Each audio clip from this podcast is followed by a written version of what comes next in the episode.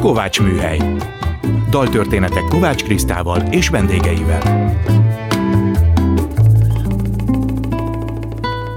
Szeretettel köszöntöm a Kovács Műhely hallgatóit. Kovács Kriszta vagyok. Hallgassuk meg mai daltörténetünk témaadó dalát, Éjféli Mise. Ez a címe Ács András és Fábri Péter dalának, amit most Varga Miklós énekel.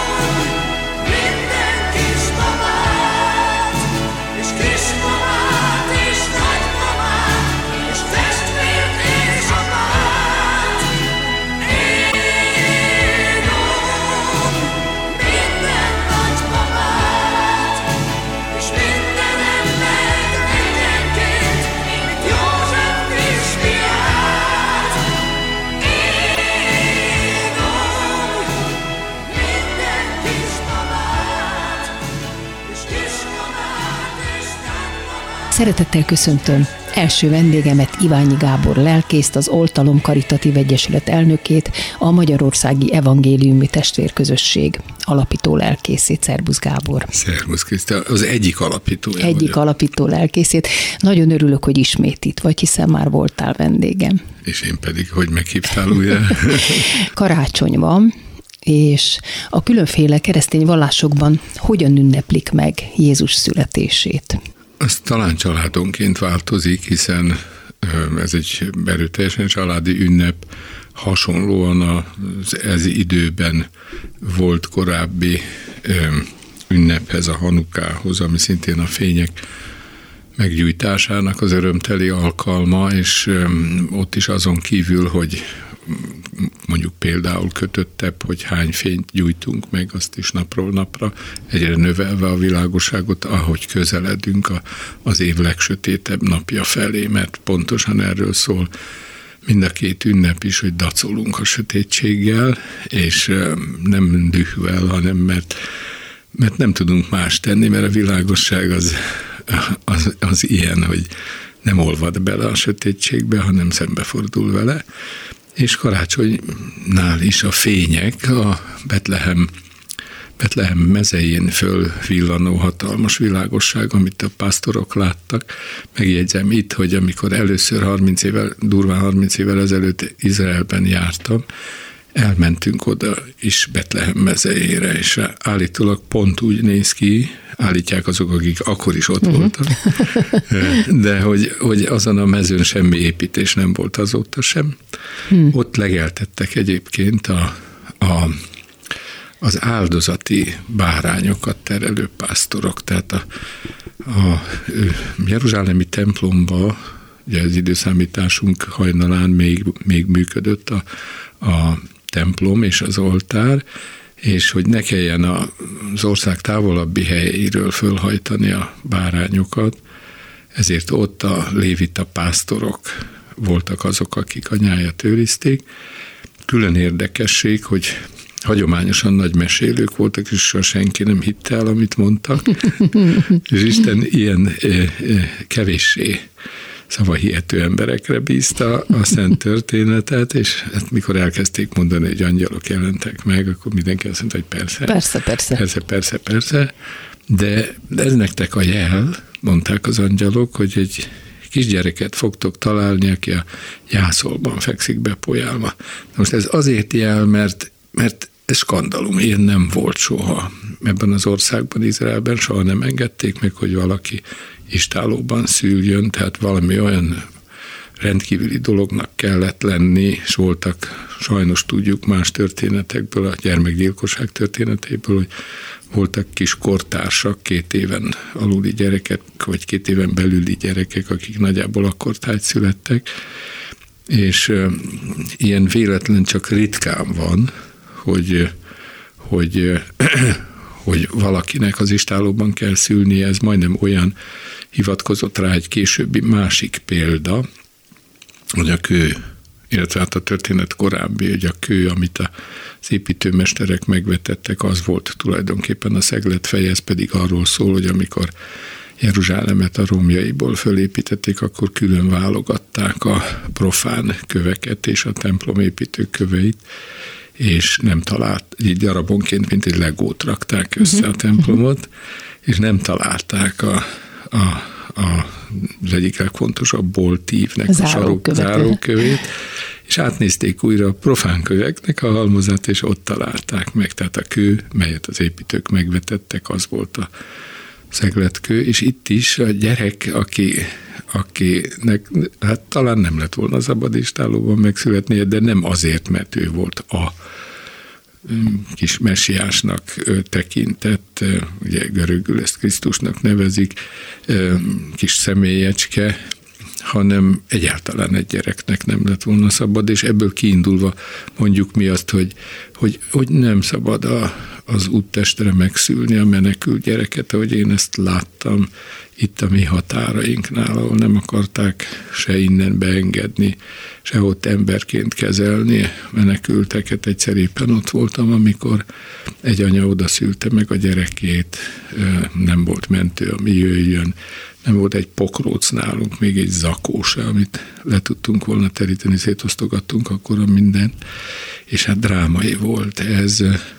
Élet, életben maradt a kicsi is, meg a mama is? Életben maradt, hát aztán addig ordítoztunk ott, míg végül eljött egy mentő, ami ott a határon ide is, oda is teljesített szolgálatot, és aztán elvitték. Tehát a mai három királyok nem mentek oda csodálni a csecsemőt. Mindig, mindig mi vagyunk a Hát három mi királyok. vagyunk, persze, igen. És ez a kérdés, hogy közel megyünk el az ügyekhez. Ez egy fenséges királyi cselekedet, oda menni, ahol, ahol gyerekek a szúttestre születnek, vagy menekülés közben látják meg a napvilágot, és nem is tudják szegények, hogy, hogy egy olyan világba születtek, ahol talán tovább kell menniük.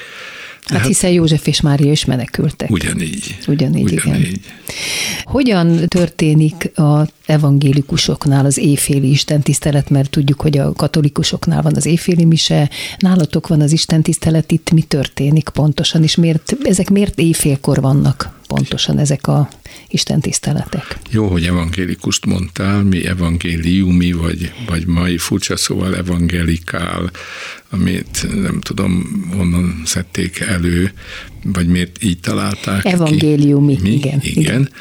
De, De hát a többinél- De, de azért jó, hogy ezt mondtad, mert Donát László barátommal együtt szoktuk tartani, uh-huh. aki pedig luteránus lelkész, és nekem kedves barátom, és ő vele együtt szoktunk, most kicsit visszább léptünk, nem éjfélkor, hanem 11 órakor uh-huh. tartjuk meg, Egyrészt azért, hogy akinek ez nem elég, és el akar menni még egy katolikus éjféli misére, hát hadd menjen el, meg hát hagyományosan másnap, ugye van karácsony főisten tisztelete, karácsony első napján, tehát ki, ki tudjon egy kicsit aludni is, hiszen három királyoknak is tovább kell menni, mert Mária még szoptatni akar, mint tudjuk a, a kedves három királyok, jó éjszakát kívánok Mária gondolataiból, és hát holnap is nap lesz. Tehát úgy szokott lenni, hogy hogy 11 órakor úgy nagyjából 3-4-12-ig eltart ez az alkalom, mindig kezdődik valami közös énekkel, ha vannak énektudók és hangszerrel jól játszók, akkor megpendítenek általában egy gitárt, valami kis fúvós hangszert, furuját vagy fuvolát, és hát az orgona mindenképpen kéznél, lábnál van, mert mind a két végtagunkkal szólaltatjuk ezt a szép nagy hangszert, és éneklünk. Vannak hagyományos régi egyházi népénekek, amelyek ilyenkor hangzanak el, és általában mindig Donát László szokott predikálni, én pedig ilyenkor úgymond a liturgiát vezetem, és az imádságot mondom, vagy felolvasom a szakaszt, hogyha szükséges, és vegyesen az ő és a mi gyülekezetünkből jönnek össze az emberek. Ilyenkor ugye általában szívesen kínálna az ember, vagy kínálunk is mindig egy kis pájglit, vagy egyéb, egyéb harapnivalót, szaloncukrot, de hát mindenki torkig van ilyenkor az édeségeknek. Ez itt a Kovács Műhely Iványi Gáborral beszélgetünk a karácsonyról, az éjféli istentiszteletekről, és egyáltalán az ünneplésről. Hogyan zajlik az ünneplés, amióta tart a koronavírus járvány? Mennyiben befolyásol ez benneteket? Mennyire befolyásolja a gyülekezetet és az embereket? Okoz nehézségeket. Meg kellett szoknunk azt, hogy úgy kell kezdeni az Isten tiszteletet, hogy kedves jelenlévő és a az Isten tiszteletet felvételről, vagy online kísérő gyülekezet, és például, ha ha úrvacsorai közösség van, akkor mindig előre szoktam szólni, hogy most mindenki készítsen egy kortybort, és egy darab kenyeret, és mondom a szöveget, és akkor tessék velünk tartani, és ha nincs véletlenül otthon bor, hát van, ahol ezt nem hallják, nézik jó szemmel, de akkor azt szoktam mondani, hogy végső esetben egy, egy korty tiszta vizet tegyenek oda, hiszen a, a bor nagy része is vízből és cukorból és egyéb sajátos dolgokból áll, a mikroszkóp alatt sem látunk benne emberi eredetű dolgokat, és ezt azért mondom, mert protestánsként is, és részben zsidóként is Isten őrizzen, hogy azt hinném, hogy embervért iszunk, vagy emberi testet teszünk ilyenkor, hanem mi bennünk van az a fajta élet, az a fajta lelkület, inkább így mondom, ami emlékeztet arra, aki, aki úgy élt, hogy, hogy az élete sem volt drága neki, vagy fontosabb volt azok élete, akiért született, és aki azt mondta, hogy aki meg akarja tartani az életét, az elveszti, és aki elveszti az életét, én értem, azt találja meg igazán. Na most mit jelent érte elveszíteni? Ez azt jelenti, hogy azokért élni, és azokért kiállni, akiknek legritkább esetben van támaszuk és barátjuk, a hatalmasok előtt különösen, és ez mindig valamilyen fajta kockázattal jár. Tehát ő érte kockára tenni az életünket, ez azt jelenti, hogy a legkisebbekért szólni, ilyenek a menekültek, ilyenek a mindig hagyományosan üldözött, megkülönböztetett kisebbségek, nálunk jellemzően a cigányok, vagy a hajléktalanok, mindenki, akin látszik, hogy védtelen és támadható, és azok mellé odaállni, szót emelni, eléjük állni, a bántani akarják őket, természetesen azzal a kockázattal jár, hogy akkor rajtunk csattan az, amit ők kapnának, de ezeket a forradásokat, ezeket szívesen viseljük. Említetted a hajléktalanokat, ti működtettek hajléktalan szállást is. Hogyan telik a hajléktalan szálláson a karácsony? Hát ilyenkor azok, akik valahol családot hagytak, ilyenkor mindig sokkal megrendültebbek és bánatosabbak. Eszükbe jut talán gyerekük, aki állami gondozásba került, vagy, vagy egy más, másiknál, a társunknál van, aki esetleg nincs az utcán, és ilyenkor többet kell vigasztalni. Aztán ilyenkor az a gondolat, hogy itt vagyok egy mégis kevésbé otthonra emlékeztető helyen, ugye egy, egy szálló, különösen nálunk az úgynevezett fűtött utca, az olyan, mint egy nagy pályaudvar, ahol véletlenül futnak össze az emberek, meg a vonatok, és ahol az életünk irányai eh, találkoznak, elválnak, vagy keresztezik egymást, és eh, hát mindenképpen alkalmilag vannak ott az emberek, és mi magunk is így akarjuk ezt berendezni, de ahogy az ilyen találkozási pontokon is van egy fa esetleg, amit feldíszítünk, ami életfárat is eszünkbe juttatja, az édennek fáját, amely, amelyről nem szakítunk gyümölcsöt, vagy hát kockázatot vállalva leemelünk. Ugye szaloncukrot már nem szoktak tenni, de mindenütt, ahol, ahol ez van, ott általában a, az ünnepkör vége felé már szabadon pörögnek, zörögnek a, a papírok, mert eltűnt belőlük a finom édesség.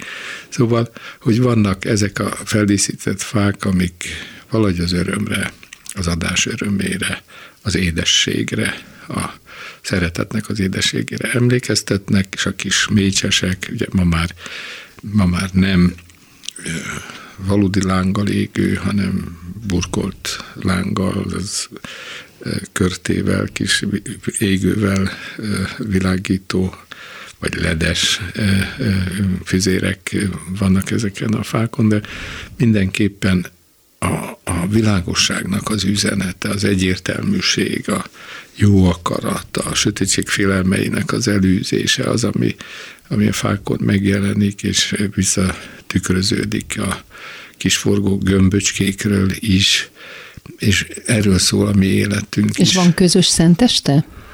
Van, hogy ne lenne, igen. Tehát együtt hát éneklés, vagy együtt valami éneklés pici, pici ajándékozás a másiknak. Valami hát, családfélét megteremteni, gondolom nyilván próbálsz, igen, még, ha, még ha nehéz is ezt igen. mondani. Most elmondom, hogy ott volt Márkizai Péter annak az üzenetével, hogy ő mindenképpen szolidaritást akar vállalni a, a legelesettebbekkel, és ez nagyon jól esett nekünk. Mondok néhány személyt, akik vendégeink voltak már. Például második Erzsébet. Hmm. Volt egyszer vendégünk, igaz nem karácsonykor, de mindenképpen őrizzük a dedikált fényképét, hmm. amit utána küldött nekünk, és bátorítás volt a jelenléte, elárverezte a sajtófotóit, ez 93-ban volt, és az abból befolyt pénzt átutalta nekünk, ez akkor így jelentős összeg volt. Aztán hát volt Gönc Árpád, volt volt Roger Moore, az angyal egyszer. Leszállt az angyal Leszállt az angyal is hozzánk, de, de ott volt például Mádül Ferenc is, meglátogatva bennünket, és tulajdonképpen az lenne a tisztességes és jó, ha minden miniszterelnök és minden államfő úgy gondolná, hogy igenis kötelessége ott megjelenni. Például emlékszem, Márul Ferenc fölhívott előtte, és megkérdezte, hogy mit hozzon, mondtam, hogy zoknit és narancsot. és hozott zoknit és narancsot, és azt ott szétosztogatta. Tehát adni bármit, ami jelzi azt, hogy én gondoltam rátok, és akarom, hogy ünnepetek legyen, és hát tényleg az egy zokni és egy narancs. Jó párosítás, inkább, igen. Igen, inkább oda kerüljen a narancs. Igen. igen. Alapvetően békeszerető, szemlélődő ember lennék, ám eddig még soha nem sikerült békében, nyugalomban élnem. Az ad erőt, hogy nem magamért, hanem az elesett emberekért harcolhatok, ezt nyilatkoztad valahol. Ilyenkor karácsonykor mennyiben tudsz mégis békében és nyugalomban élni? Hát a pillanat nyugalmát ismerem. Tehát a, ez nem úgy van, hogy az ember ott is azokban a percekben valamilyen fontos közéleti ügyben, ügyben hadakozik, hanem, hanem akkor elengedünk mindent, leülünk, és ülünkbe vesszük a könyvet, én a kezembe veszek egy gyertyát, ilyenkor eloltjuk a, a, az elektromos fényeket, és a libegő kislángnak a meghittségét hozzuk el, és éneklünk addig, amíg jól esik. De neked egy De... nagy családod van. A szentestét elosztod ilyenkor, hogy kicsit vagy a családdal, és kicsit vagy a hajléktalanokkal is. Hát úgy szokott vagy a betegekkel lenni, is. Igen, úgy szokott lenni, hogy Szenteste napján bemegyek a, a központunkba, ahol a hajléktalan kórház és a, a a főiskola is, fő, főiskola kollégiuma van, és végig sétálok a kórház, Fűtött utca, a Dank utca 9 szám alatti, ott van egyébként a kórházunk, a másik nappali melegedőnk. Tehát, Tehát egy rakáson van minden, nincs messze, igen. van néhány száz hajléktalan ilyenkor, és mindenki kicsit vagyok, kicsit időzünk együtt, és aztán együtt szoktam délbe ebédelni azokkal a diákokkal, több afrikai diák is van, akik, akik hát messze távol a családjuktól a kollégiumban rekedtek, lakik ott egy anya most két gyerekével, van van menekült, börtönből nemrég szabadult, aki nem tud a családjához visszamenni. Szóval most úgy számolom, hogy vagy 20 fogunk legalább 20-25-en együtt ebédelni. Hát most már mire ez adásba kerül, már túl már, leszünk már ezen. túl igen. is leszünk, igen. De ez így telik, igen. igen. Tehát akkor, amikor ez a pillanat eljön, és hát mindig vannak kicsi ajándékok, és ilyenkor a főiskola lelkésze Verebics Petra szintén ott van ö, velem, ki, ki hozza a maga énekét, nagyon érdekes, a, a nagyon afrikai e, e, hangulatú énekeknek a, a, a zenéje, e, nigériai fiatalok elsősorban, és, és talán van köztük két gambiai is, mindenki hoz valamit a saját, saját népének a szokásaiból, énekeiből, és hát a időnk engedi, ugye a konyhánk az, az naponta 800 adag ételt főz az év minden napján. Ugyanazt az ételt teszik a hajléktalanok, a kórházban lévők, az óvodások, a főiskolai tanárok, kis-kis módosulásokkal, tehát ott, ahol diétázni kell, ott, ott tesznek engedményeket, de mindannyian ugyanazt esszük, és a konyha ilyenkor persze ünnepi ebédeket igyekszik produkálni, de sokan jó lelkűek, azok is, akik a klubrádiót hallgatják, és az Isten áldja meg őket is, támogatást nyújtanak, és van, aki ilyenkor hoz be süteményt, hoz töltött káposztát. Ilyenkor szoktuk mondani, hogy a bilagét fogy leginkább. Kedves Gábor, be kell, hogy fejezzük, de továbbra is biztatjuk a Klubrádió hallgatóit is, hogy támogassák Iványi Gáborék összes alapítványát, hiszen ebben nagyon jó ügyet támogatnak, és kellemes ünnepeket kívánok, Köszönöm és boldog új évet neked. Nektek Köszönöm Iványi Gábornak, hogy eljött a Kovács műhelybe, és egy kicsit együtt volt velem és a hallgatókkal, mert vannak olyan emberek, akikkel egyszerűen öröm és megnyugvása közelébe lenni, és Gábor ilyen. Te szeretteidnek is, a körülötted lévő embereknek, kicsiknek, nagyoknak is áldott békés boldog karácsony. Köszönöm szépen. És most következik Novák János dala Adi Endre versére, Kató a misén, előadja Cseh Tamás.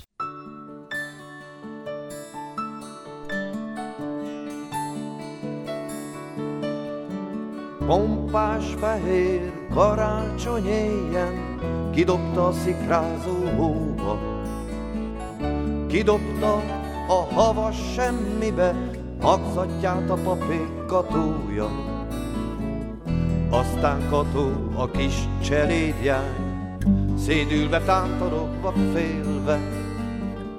Ahogy illik, elment maga is Éjféli szent vidám misére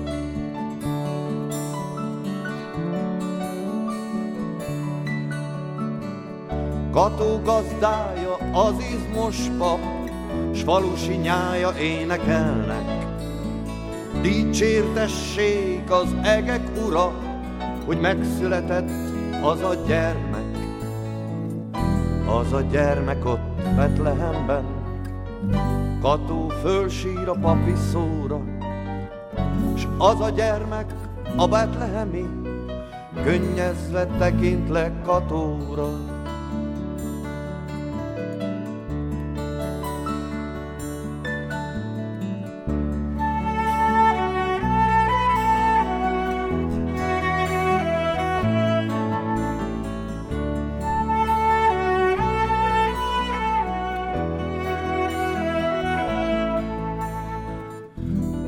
Gyermek ott Betlehemben, Kató fölsír a papi szóra, S az a gyermek a betlehemi, Könnyezve tekint le Katóra.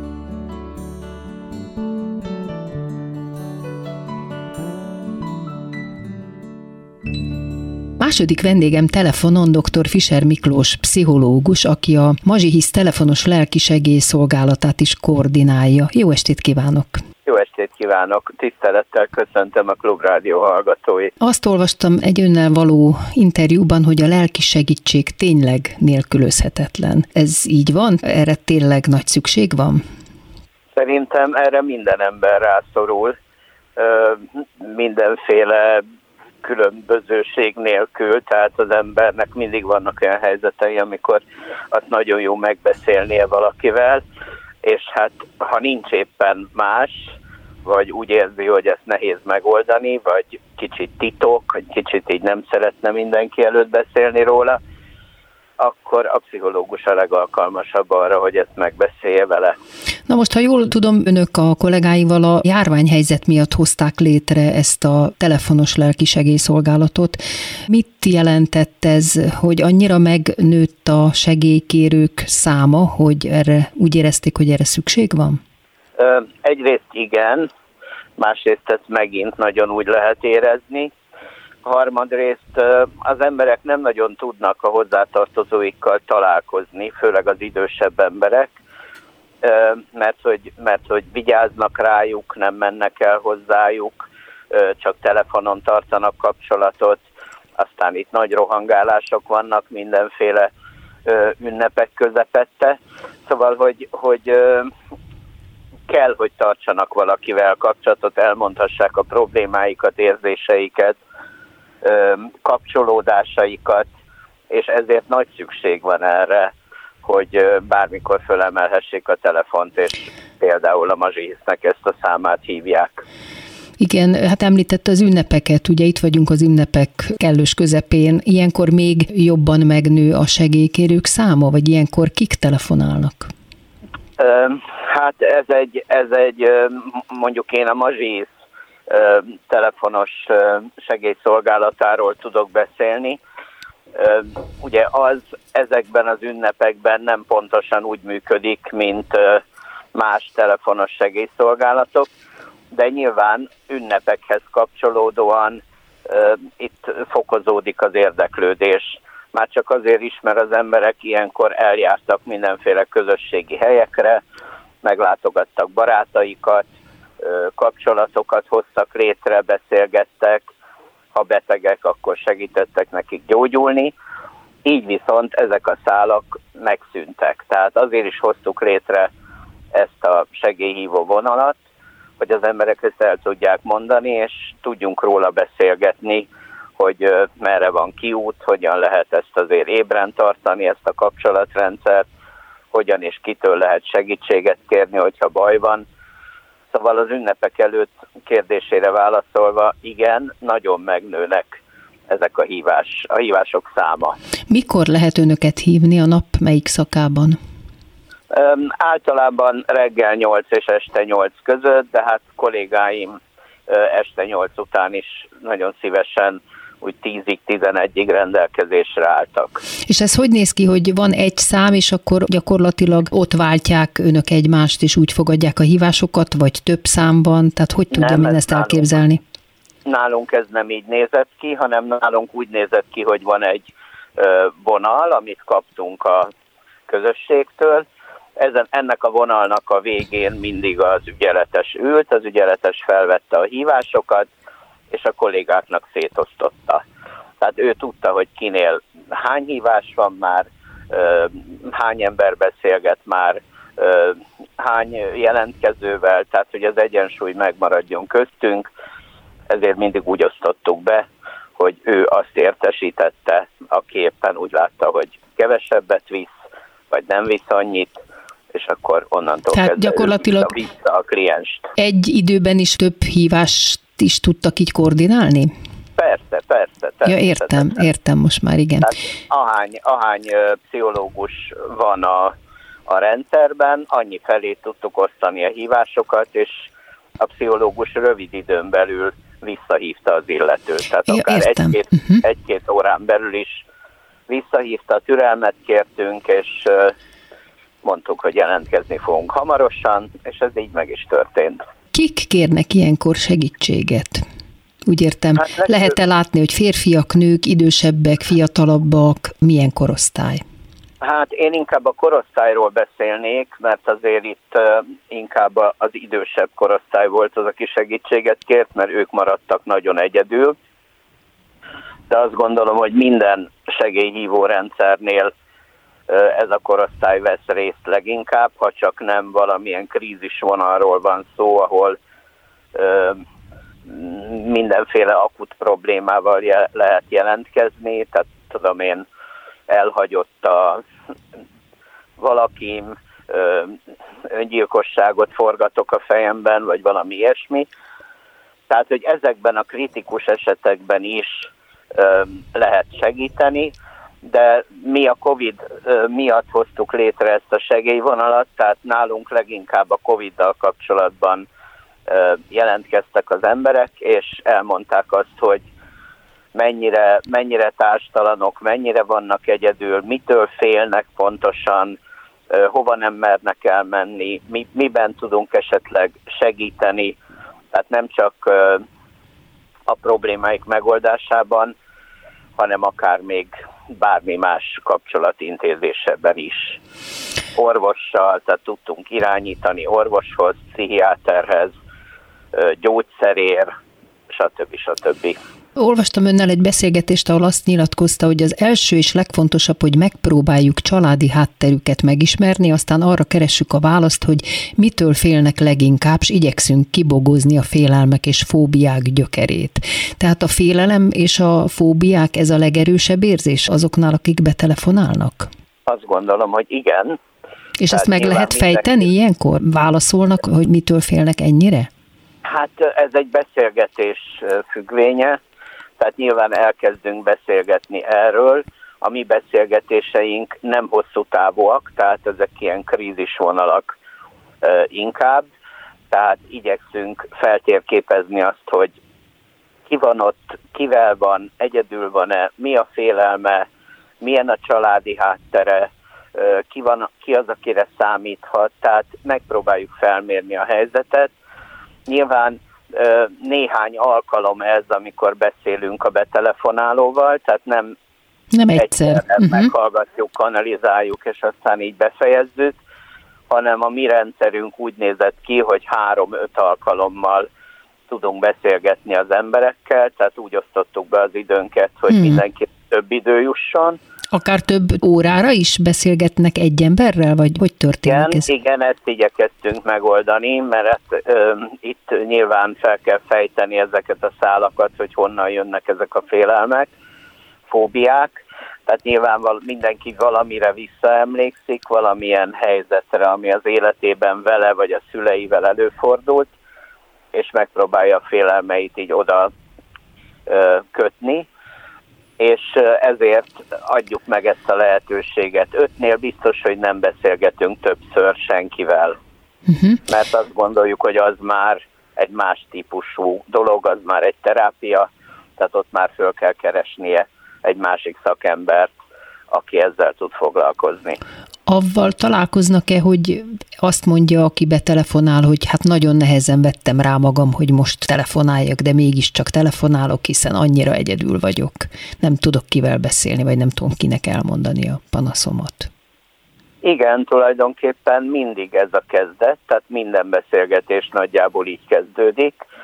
Tehát a motiváció mindig arról szól, hogy nincs kivel beszélni, nincs kivel találkozni, nagyon egyedül vagyok, elmondja, hogy kivel szeretne, kit vár, ki nem jön, miért van egyedül, milyen az élethelyzete, milyen a családja, kikből áll, fognak-e majd jönni, stb. stb.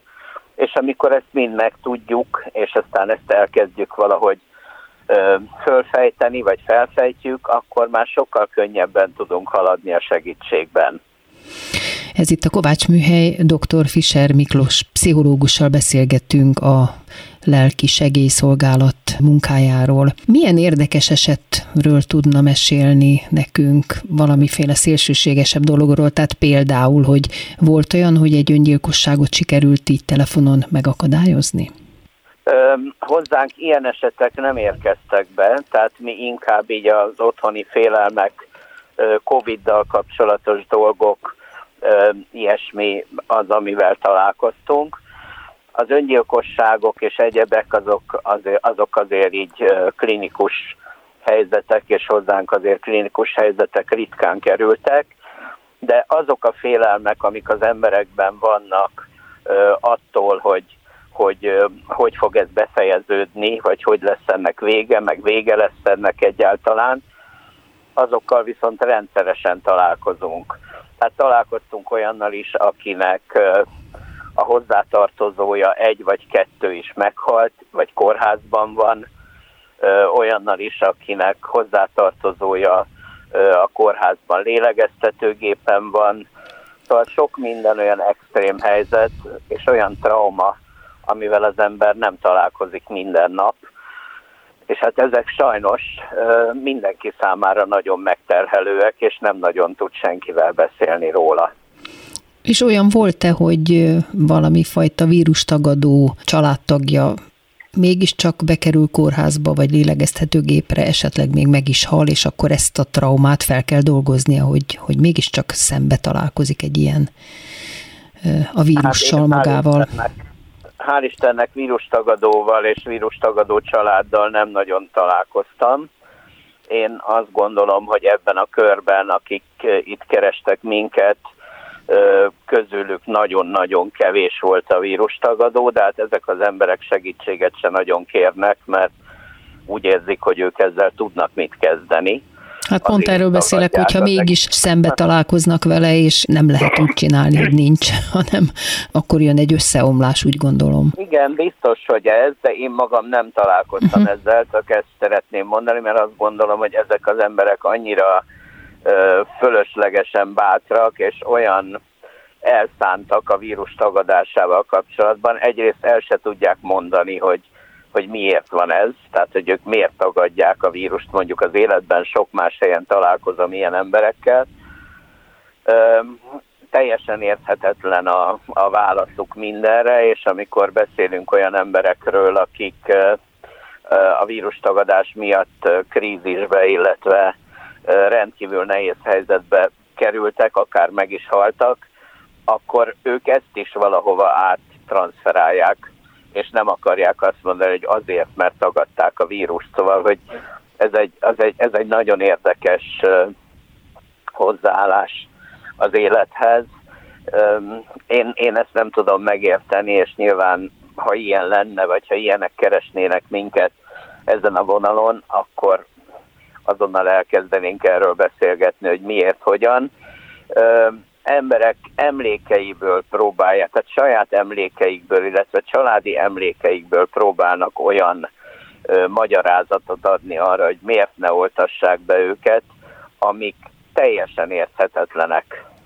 Szóval én, én igazán csak, engem csak dühít, próbálok ezzel valamit kezdeni, de a segélyvonalon nem találkoztunk ilyennel, sőt, azt gondolom, hogy már olyannal is találkoztunk, aki negyedik oltást szeretne, illetve hát próbálja magát minél jobban biztosítani, és illetve az unokáját beoltani, vagy beoltatni, tehát hogy sokkal inkább olyan helyzeteket találok, amik a még nagyobb biztonságra való törekvést jelentik az embereknél. Térjünk vissza a félelem érzésére, és hogy tulajdonképpen ilyenkor megismerik a családi hátteret, és folytatva öntől egy idézet, csak ezután adunk személyre szabottan olyan tanácsokat, amelyek a mindennapi túlélést segítik. Milyen tanácsok lehetnek ezek, amik segítenek a mindennapi túlélésben? Hát először is azt gondolom, hogy állandó félelemben nem lehet élni. Uh-huh. Tehát azt a teret, amiben ezek az emberek élnek, ezt valahogy ki kell tágítani.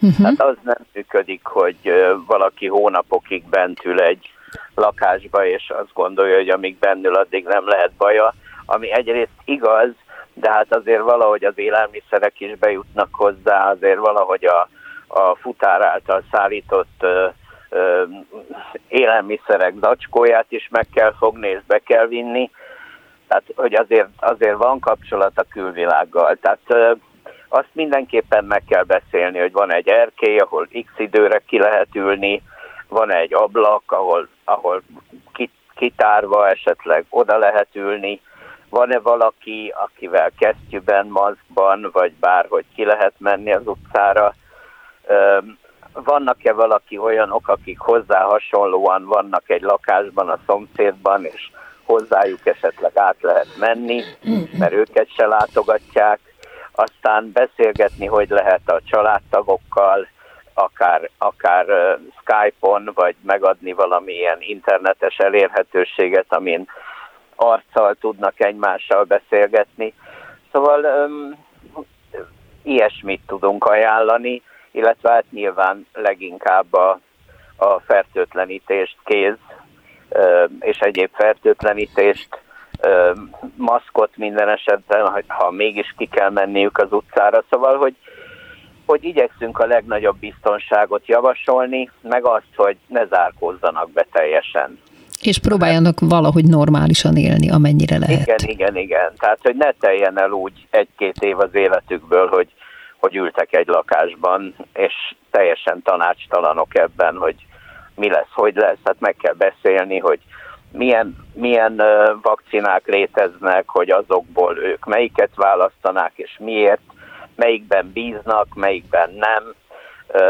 Nyilván ezt így kötik ők országokhoz, meg emberekhez, tehát, hogy, hogy ezeket valahogy így megbeszélni, hogy miért az egyik, miért a másik, hogy milyen félelmeik voltak az életben, és hogy ezekkel a félelmekkel mit tudnak kezdeni, hogy merre jártak a világban, és akkor voltak-e félelmeik hasonló, vagy nem hasonló. Szóval, hogy ezeket így ki lehet nyitogatni, és újra ablakokat nyitni a világra, és hát ezeket próbáljuk meg. Akkor csak befejezésül arról meséljen nekünk, hogy mit tudna tanácsolni nekünk, mindnyájunknak az ünnepekre, illetve a szilveszterre, új évre, illetve azoknak is, akik egyedül töltik az ünnepeket. Hát akik nagyon aktívak szeretnének lenni, azoknak visszafogottságot javaslok. Igen.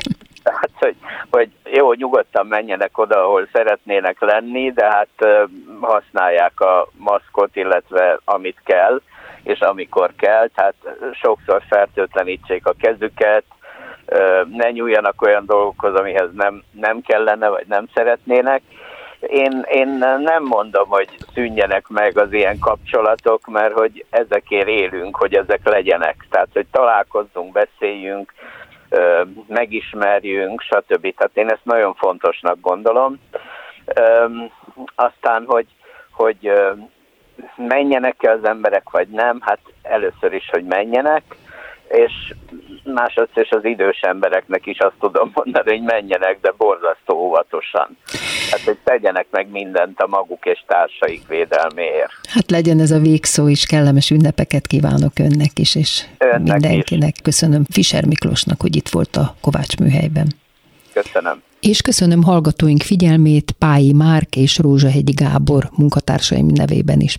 Az adás ismétlése ma este tízkor hallható, utána az archívumban is bármikor elérhető, sőt, most már podcastként is meghallgatható a Spotify-on. Hallgassanak minket továbbra is az interneten. Jövő vasárnap az új év másnapján egy újabb daltörténettel jelentkezik a Kovács műhely, benne Kovács Krisztával és vendégeivel. Akkor már épp ki fogunk józanodni a szilveszter után. Ehhez választottam a következő dalt is, Kinnül a parton a részeg matróz. Ezt az angol népdalt Viktor Máté feldolgozásában és Fábri Péter magyar szövegével éneklem.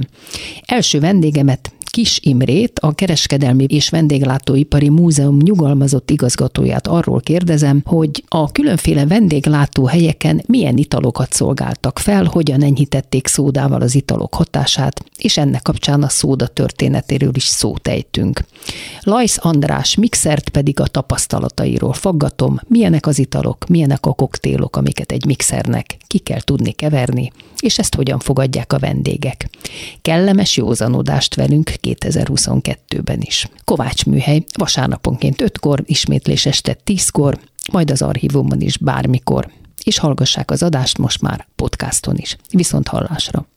És most következik a dal, Kinnul a parton a részeg matróz.